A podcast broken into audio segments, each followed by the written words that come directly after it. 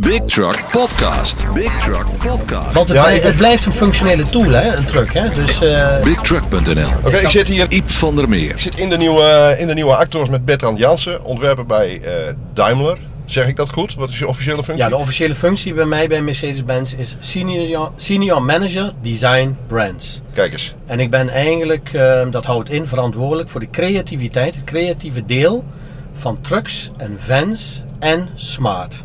Dat is een heel breed spectrum. Heel breed spectrum, dus van de kleine voertuig naar het allergrootste voertuig. En zowel voor exterieur als interieur. Oké. Nou, dan zitten we in die nieuwe auto. Ik zie hier eh, prachtige displaytjes allemaal. Dit is, dit is eh, waar we heen gaan met trucks. Ik bedoel, traditioneel hadden vrachtauto's heel veel knopjes, heel veel meters. Eh, we kennen allemaal de Amerikaanse trucks. Veel chauffeurs houden daarvan. Is, is dit, dit is de toekomst zoals Mercedes hem ziet? Ja, zo, juist wat je zegt van Mercedes. eh, we zien het ook al binnen de personenauto-industrie van Mercedes. Waar wij vandaag de dag heel veel aandacht op leggen is het feit digitaliseren van het interieur. Waarom?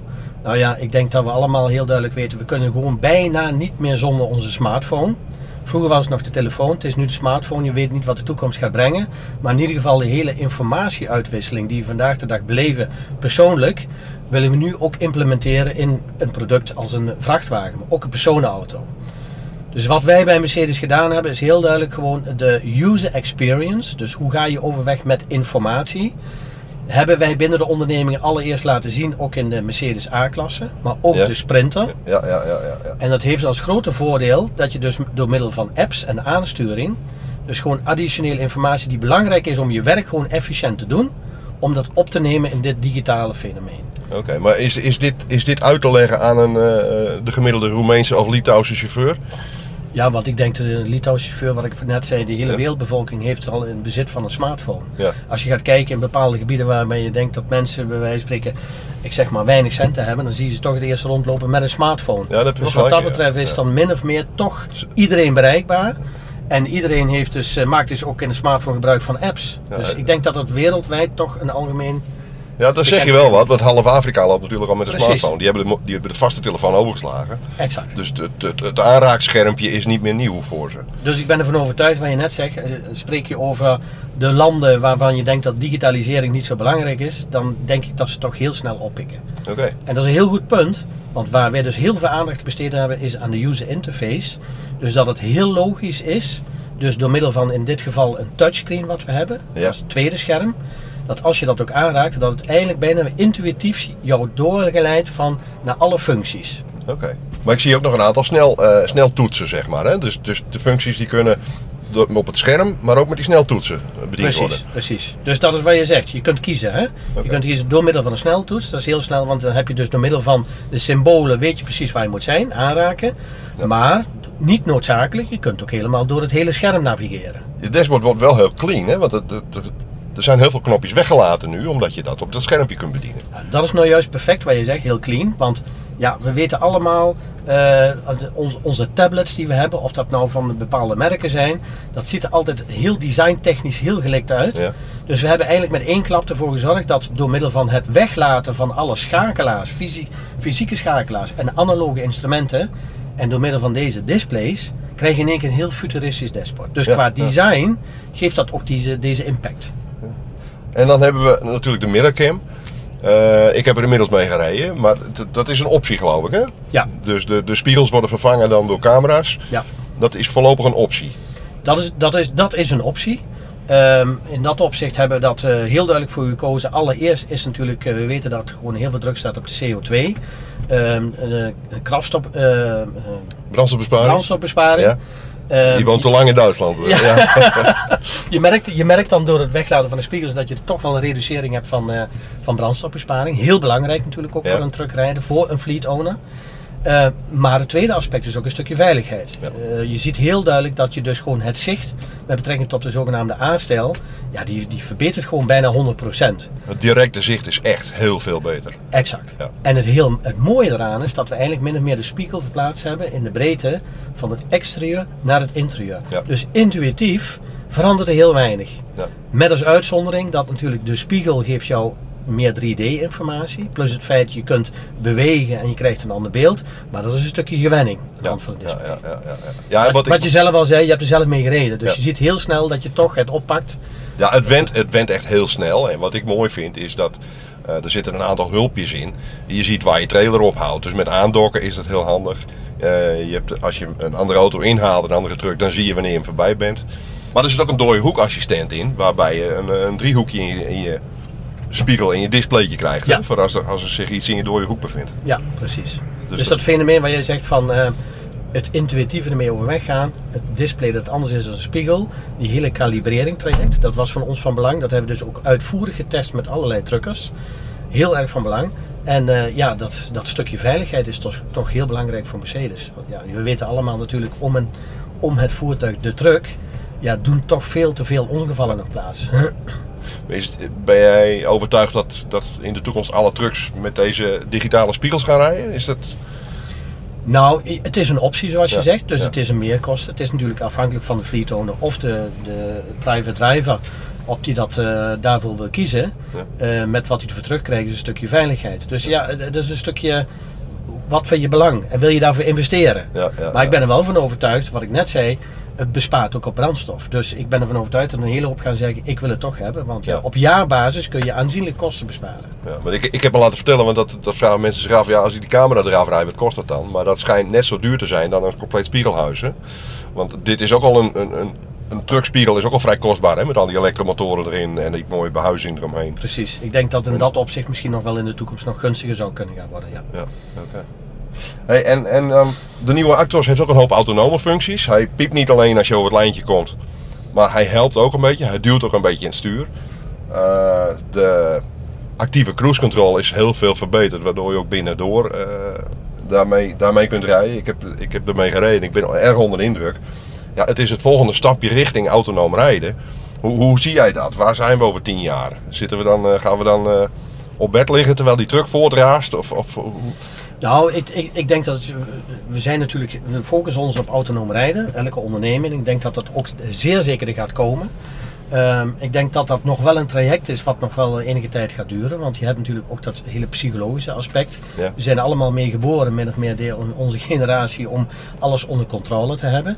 Om het over te geven aan autonoom rijden en dan concreet wat je net zegt, om een bed te gaan liggen en jouw truck doet jouw werk. Eh, Ik, vraag me op momenten af of je daar dan rustig bij kunt slapen. Om te zeggen van ik laat het maar alles over aan de truck. Ik denk dat het de komende tijd eh, een, een, een, mengel, een mengeling gaat worden van enerzijds kiezen voor laat de truck zelf rijden, maar toch nog achter het stuur zitten. Dus Ja. enigszins een beetje werken. En anderzijds ook gewoon zelf nog willen sturen. Ik denk dat het ook in de natuur van de trucker zit. Hij wil zelf sturen. Ja. Want dat overgeven is natuurlijk een hele andere inhoud van jouw job. Ik denk dat daar nog wel een generatie overheen gaat. Wil je daar gewoon ook een acceptatie in vinden. En met name ook dat het ook alles vanuit de psychologie, psychologie ook goed gaat functioneren. Ja, ik, zie- ik zie het als een hoop assistentiesystemen die je helpen, zeg maar. Maar als ik dan zie dat we eh, bijvoorbeeld met platooning, hè, dat is Mercedes, daar zijn ze ook, iedereen is daarmee bezig, alle merken. Ja, als ik achter dat stuur in die truck moet zitten op, eh 10, ki- op 10 meter van mijn voorganger, dat geeft mij ook niet een heel veilig gevoel. Dan moet ik wel heel veel vertrouwen in de techniek hebben. Ja, maar daar moet, daar moet ik van zeggen met de systemen van vandaag de dag. Ik heb het zelf ook in mijn persoonauto. Dan moet ik zeggen, dat vind ik echt perfect. Ja. Want daar heb ik helemaal geen uitval. En ik zie ook dat de controle wat dat betreft heel secuur is. En ik ben er wel van overtuigd dat dat, eh, dat, dat vandaag de dag ook wel goed kan functioneren. Los van het feit, je zit er 10 meter achter. Het geeft je ook heel veel rust. Want met de drukte op de, op de wegen vandaag de dag merk ik ook voor mezelf, eh, vind ik het fantastisch om in de file te staan dat de auto alleen voor mezelf rijdt. Want ik doe helemaal niks met de Met stop en go. Met stop Ja. en go. Eh, al die systemen brengen mij gewoon een stukje comfort en een stukje rust ook met zich mee. En de file kunnen we niet vermijden, daar zitten we gewoon in. Ja, ja, dus heb je dat additioneel, dan zeg je, oh nou, maar dat is wel heel veel cooler Nou, ik- ten opzichte van altijd maar weer moeten schakelen en opletten. Nou, ik, vind, ik ben zelf een warm voorstander van ACC. Dat vind ik een fantastisch systeem. Dus dat die automatisch de voorganger Ja, volgt. ja. Platooning is een stapje verder natuurlijk. Hè? Want die afstand Ja. wordt, wordt veel kleiner om de aerodynamische... eh, om de, om de, eh, hè, dat je er dichter op rijdt, dat je minder luchtweerstand hebt. En daar moet dan weer brandstofbesparing uitkomen. Nou, Maar- wat jij zegt, platooning heeft natuurlijk meerdere voordelen. Waar je zegt, je kunt brandstof besparen. Plus het feit, ik ben er ook van overtuigd, het, eh, vandaag de dag als truckers gewoon separaat rijden of ze halen elkaar Ja. in. En we weten de irritatie onder elkaar van dat dat met 2 kilometer Mhm. eh, verschil aan snelheid eh, brengt heel veel irritatie met zich mee. En platooning geeft ook weer een bepaalde rust en zorgt er naar mijn idee ook voor dat de autobanen dus gewoon minder vol raken in het opzicht. Plus brandstofbesparing. Ja. Want het, Ja, blij- ik ben- het blijft een functionele tool, hè, een truck. Hè? Dus, eh, Kijk, ik ben, ik, ben een beetje, ik ben een beetje cynisch daarover. Als ik, kijk, in de ideale wereld zal het allemaal lukken. En jullie zullen vast met andere merken kunnen afspreken dat, je met elkaar, dat die trucks met elkaar kunnen communiceren en alles. Maar eh, het is nu eh, 2019 en ik, het is nog regelmatig als ik een oplegger aankoppel met een nieuwe trekker en een nieuwe trailer, dat ik allerlei foutcodes in mijn dashboard krijg. Want de ESP functioneert niet of de ABS-storing. En zolang een trekker nog niet eens met een oplegger kan praten, hoe zullen trucks dan met elkaar gaan praten? Dus mijn, mijn vertrouwen in die protocollen, ja, dat, dat is er nog niet, moet ik zeggen. Dat is, Nee, maar dat, dat zal ook, en daar hebben we straks ook over gehad, en dat is natuurlijk interessant, het autonome rijden, hoe ver gaat zich dat ontwikkelen en hoe snel. Ehm, ik vind het alleen maar goed dat iedereen er ook mee bezig is. Mhm. En het is nog een lang traject om ervoor te zorgen dat je zegt dat je dus gewoon eh, heel duidelijk kunt stellen van de systemen eh, werken ook eh, naadloos op elkaar. Ja. Dat is wat ik voorheen ook al zei.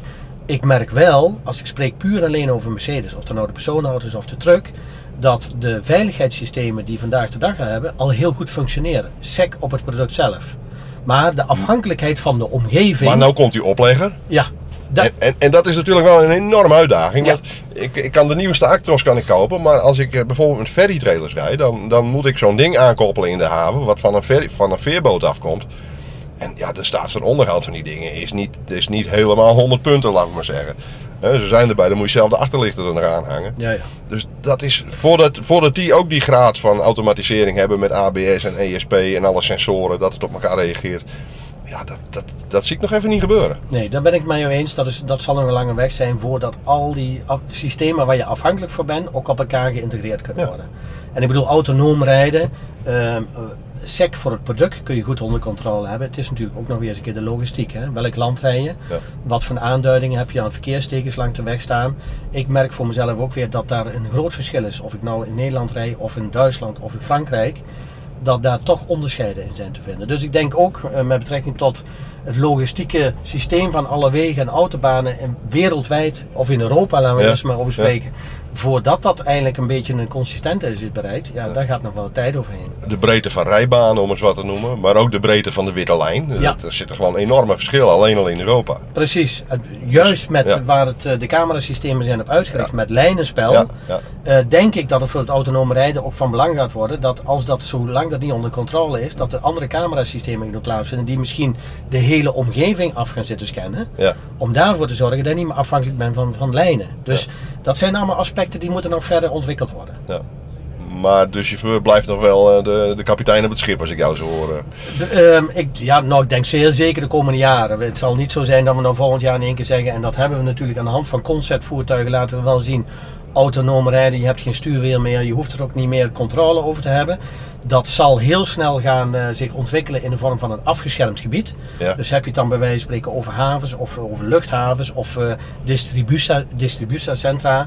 Die dat gewoon die omgeving zo kunnen inrichten dat daar een voertuig autonoom kan rijden. Dat denk ik dat zal heel snel doen plaatsvinden. Ja. Maar op de openbare weg denk ik dat het nog wel een tijdje zal gaan duren dat de bestuurder zelf nog eh, zijn voertuig onder controle heeft, gedeeltelijk. Ja. Maar dus die systemen wel gebruikt om eh, uitgerust toch te kunnen rijden, efficiëntie te bereiken met brandstofbesparing, platooning, wat je Ja, net zei. ja. Die systemen zullen denk ik wel heel snel eh, ontwikkeld kunnen Nou ja, dat, dan zijn dat dus assistentiesystemen. Hè? Zo, Ja, zo, zo zie ik dat dan. precies. Want, want het autonoom rijden, waar we allemaal zo spannend over doen, dat doen we natuurlijk op de ECT Maasvlakte al een jaar of twintig volgens mij. Daar trucjes eh, zonder chauffeurs compleet geautomatiseerd rondrijden.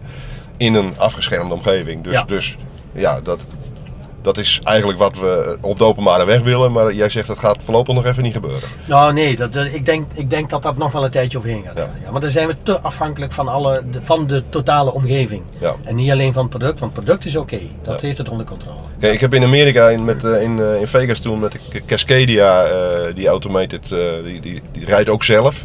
Maar dan zit je als chauffeur zit je er wel gewoon in. En je kunt dus gewoon je krantje of je boek lezen of met je iPad spelen. Maar als die truck iets, bijvoorbeeld er is een ongeluk gebeurd, bijvoorbeeld er zijn wegwerkzaamheden, iets wat, iets wat hij niet kent, dan waarschuwt die truck van hé, hey, eh, help me even, want dus dan heb je nog steeds die chauffeur nodig. Ja, maar dat is wat je zegt. Ik bedoel, het systeem geeft natuurlijk ook, je moet een bepaalde zekerheid inbouwen. En dat is ook psychologische aspect. Want je kunt wel zeggen, oké, ik laat het allemaal aan de truck over. Ja. Mocht er een ongeval door plaatsvinden, direct voor jou. En je hebt niet de mogelijkheid om vandaag de dag eh, te reageren. Ja, dan veroorzaak je misschien op dit moment, waar we nou zijn, zelf ook een ongeluk. Hè? Ja. Als het systeem niet feilloos gewoon helemaal eh, uitontwikkeld is. Nou ja, we kennen allemaal de Tesla bloepertjes natuurlijk. Ja, hè? Die nou, eh, worden breed Ja. uitgemeten in het nieuws natuurlijk. Want dat is... Ja, dus wat jij zegt, kijk, de wereld ziet er natuurlijk mooi uit als alles goed functioneert. Alleen we moeten ook heel duidelijk zekerstellen dat dat veiligheidsaspect ook ingebouwd is. Hè? Want die krijgen ook mee te maken natuurlijk op een gegeven moment met autonome rijden. Dat is ook een heel groot vraagstuk van, mocht er toch iets gebeuren waarbij een ongeval eh, gebeurt, wie is dan de verantwoordelijke daarbij? Ja, dus dat, is ook een heel groot vraagstuk. Juridisch is het ook allemaal nog Precies, heel... dat ja, is allemaal ja, nog... eh, Ja. En in, in, nogmaals, in de, in de optimale wereld functioneert het allemaal goed. Maar zulke soort aspecten zijn denk ik van, goed van belang om dat heel duidelijk af te dekken. Hm? Ja. Maar goed, duidelijk is, eh, ja, het, het vak gaat veranderen en eh, het wordt er niet saaier op. want Er zijn heel veel nieuwe technieken. En eh, ik ben, als journalist mag ik altijd als een van de eerste ermee spelen. En dat is een groot voorrecht. En ik, vond, ja, ik volg het met heel veel aandacht. Ik vind het fantastisch. En, Ik denk ook wat jij zegt, Iep, in dat opzicht oh, spreek je over mijn vakdeel. Voor jou gaat er een hoop veranderen. Ja. Van mijn kant ook. Het is natuurlijk heel spannend. We zitten natuurlijk in het, in het tijdperk van elektrisch rijden. We zitten in het Ja. tijdperk van autonoom rijden. Iedereen is op zoek natuurlijk de, de beste en de, de, de meest super oplossing. ja. En ik denk eh, dat het nog een grote verrassing zal worden de komende jaren. Wat er toch heel wat eh, gaat veranderen. Wat ook een impact gaat hebben op het design van het voertuig. Ja, ik denk dat eh, zowel jou als mijn vak eh, heel boeiend blijft de komende jaren. Dat we nog heel veel eh, nieuwe innovaties gaan zien. Heel veel proefballonnen die later het niet blijken te zijn. Ja, Maar we staan wel aan de, aan de, aan de wieg van een grote omslag, denk ik. zeer zeker. Ja. Ja, Nou, ik vond het hartstikke leuk. Dankjewel voor dit gesprek. ja graag gedaan Iep. En eh, ja, we zien elkaar eh, bij de volgende generatie Actros. Super.